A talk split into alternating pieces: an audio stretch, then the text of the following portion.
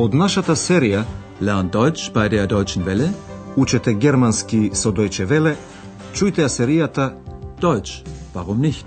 Германски зошто не?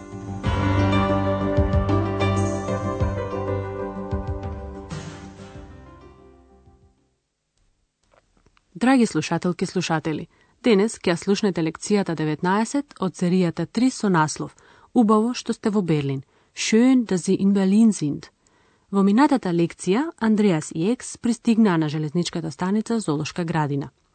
Таа станица се вика така, бидејќи се наоѓа во близината на Золошката градина. Слушнете го уште еднаш ова објаснување. Тоа ќе биде воведено со зависна реченица со weil. Глаголот во таа реченица стои на крајот. Der Bahnhof heißt so, Warum? weil der Zoo ganz in der Nähe ist. Андреас сега му се јавува на доктор Тюрман, кој е постојан гостин во хотелот Европа, а живее во Берлин. Тој го покани Андреас на еден викенд во Берлин. Слушнете го тој телефонски разговор. Концентрирајте се на прашањето. Што ќе предложи доктор Тюрман? Guten Abend, Herr Dr. Thürmann. Hier ist Andreas Schäfer. Ach, guten Abend, Herr Schäfer. Sind Sie schon in Berlin? Ja, wir können eine Woche in Berlin bleiben. Schön, dass Sie in Berlin sind. Wir sind jetzt erst bei Freunden von mir. Sagten Sie wir? Ach so, Sie wissen ja noch nicht, dass Ex wieder da ist. Oh, das freut mich sehr. Was machen Sie denn morgen? Hm, ich denke, dass wir Berlin besichtigen. Ich mache Ihnen einen Vorschlag. Wir können zusammen mit dem Hunderterbus fahren. Der fährt vom Zoo zum Alex. Das ist eine sehr schöne Tour durch Berlin. Alex? Wer ist Alex? Das ist ein Platz, der Alexanderplatz. Entschuldigen Sie, Herr Dr. Thürmann. Ja, schon gut. Sagen wir morgen um 10 Uhr am Bahnhof Zoo? Und wo genau? Na, an der Bushaltestelle. Einverstanden? Einverstanden. Also, bis morgen. Доктор Тюјаман предложува една прошетка низ Берлин со автобусот број 100.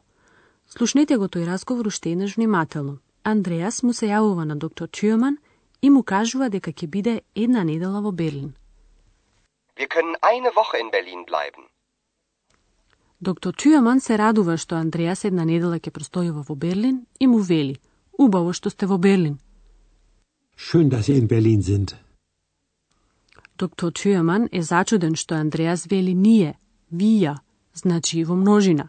Андреас му кажува дека екс е вратена, а доктор Тюјаман тоа не го знаеше. Sagten Sie wir? Ach so, Sie wissen ja noch nicht, dass Ex wieder da ist. Тоа многу го радува доктор Тюјаман. Das freut mich sehr. Тој го прашува Андреас што ќе прават следниот ден, но тоа Андреас се уште не го знае и му одговора на доктор Тюјаман. Мислам дека ќе го разгледуваме Берлин. Ich denke, dass wir Berlin besichtigen. Доктор Тюјаман му дава предлог, форшлаг на Андреас, и тоа да се возат со еден одреден автобус, и тоа со оној со бројот 100. Ich mache Ihnen einen Vorschlag. Wir können zusammen mit dem Hunderterbus fahren. Тој автобус поаѓа од железничката станица Золошка градина, а последната станица му е во поранешниот источен Берлин, кај плоштадот кој луѓето го викаат Алекс. Der fährt vom Zoo zum Alex. На патот кон Алекс, кој до 1945 година беше центар на Берлин, се поминува покрај важни знаменитости на градот. Затоа, доктор Тюрман нагласува дека тоа е една многу убава релација низ Берлин. Das ist eine sehr schöne Tour durch Berlin.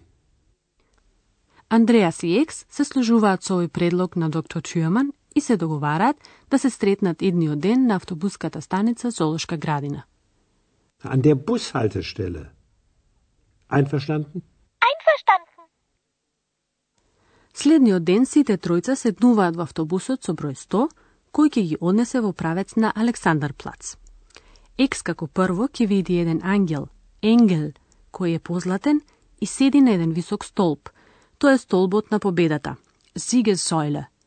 Овој споменик е поставен 1971 година и подсеќа на крајот на војната помеѓу Германија и Франција, кога германците го победија францускиот император Наполеон III. Годината 1871 има посебно значење во историјата на Германија и Берлин. Слушнете го разговорот и концентрирајте се на прашањето. Што се случи 1871 година?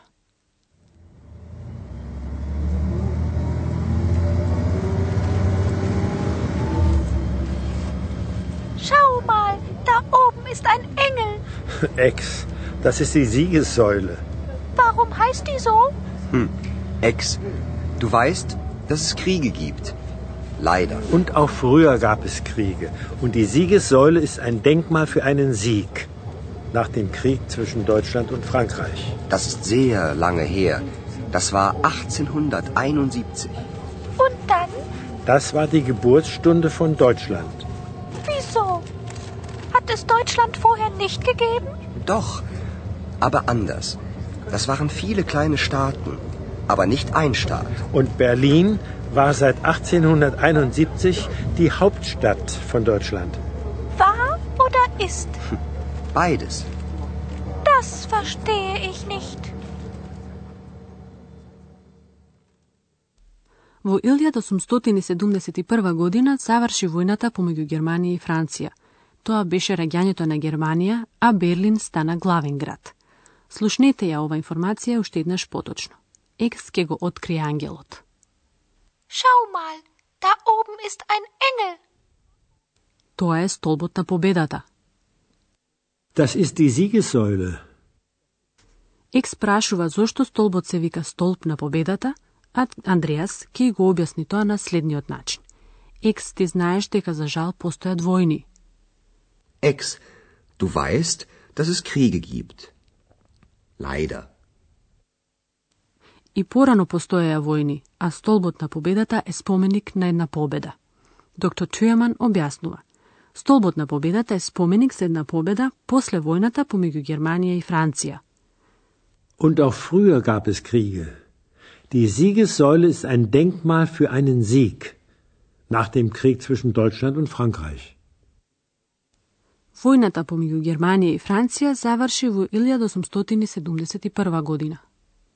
Das ist sehr lange her. Das war 1871. Победата над Наполеон III кај германците го зајакна чувството на припадност. До тогаш постоеја ред помали германски држави кои тогаш се обединија. Тоа беше раѓањето на Германија. Das war die Geburtsstunde von Deutschland. Поточно кажано, тоа беше раѓањето на Второто германско царство. Берлин, како до тогашен главен град на царството Прусија, стана главен град на целото германско царство. Und Berlin war seit 1871 die Hauptstadt von Deutschland. Екс е зачудена што доктор Тюеман спорува за Берлин како главен град, но за минатото. Таа прашува, беше или е? War oder ist? Андреас одговара, и двете. Beides. Тоа не го разбира Екс, но набргу ќе го дознае. Сега ќе ви објасниме друга можност за образување на зависни реченици со подредениот сврзник субјунктор дека. Тас.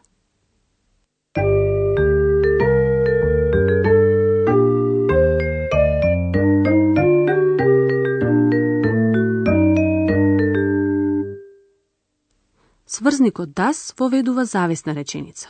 Das стои по одредени глаголи кои имаат додаток за акузатив.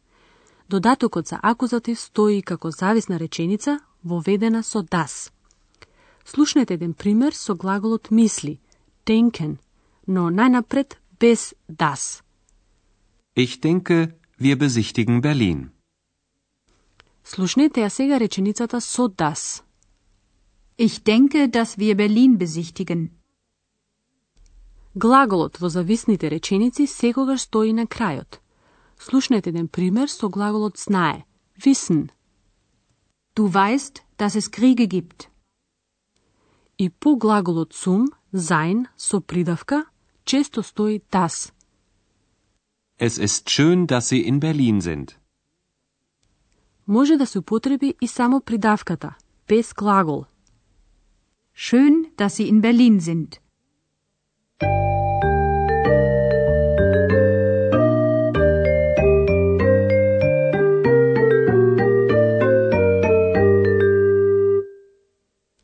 Слушнете ги сега уште еднаш двата диалози. Седнете удобно и слушајте внимателно.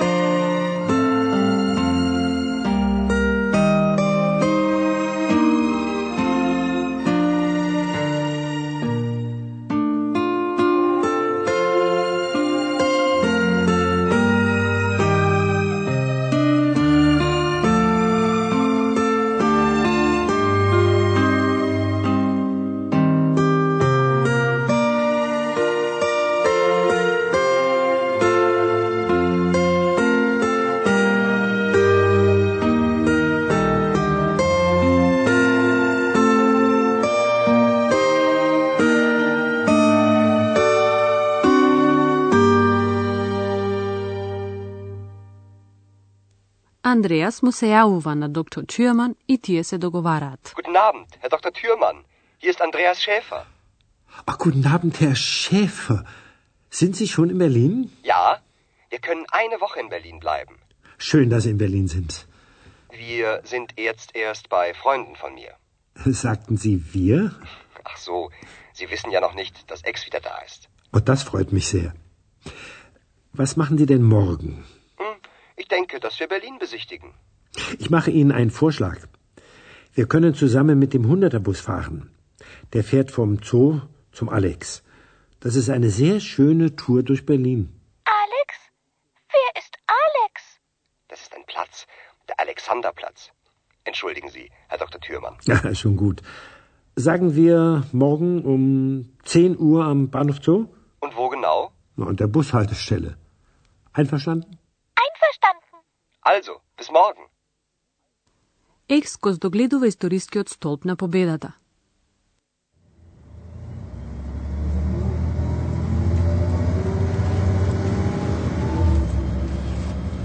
Schau mal, da oben ist ein Engel. Ex, das ist die Siegessäule. Warum heißt die so? Hm, Ex, du weißt, dass es Kriege gibt. Leider. Und auch früher gab es Kriege. Und die Siegessäule ist ein Denkmal für einen Sieg.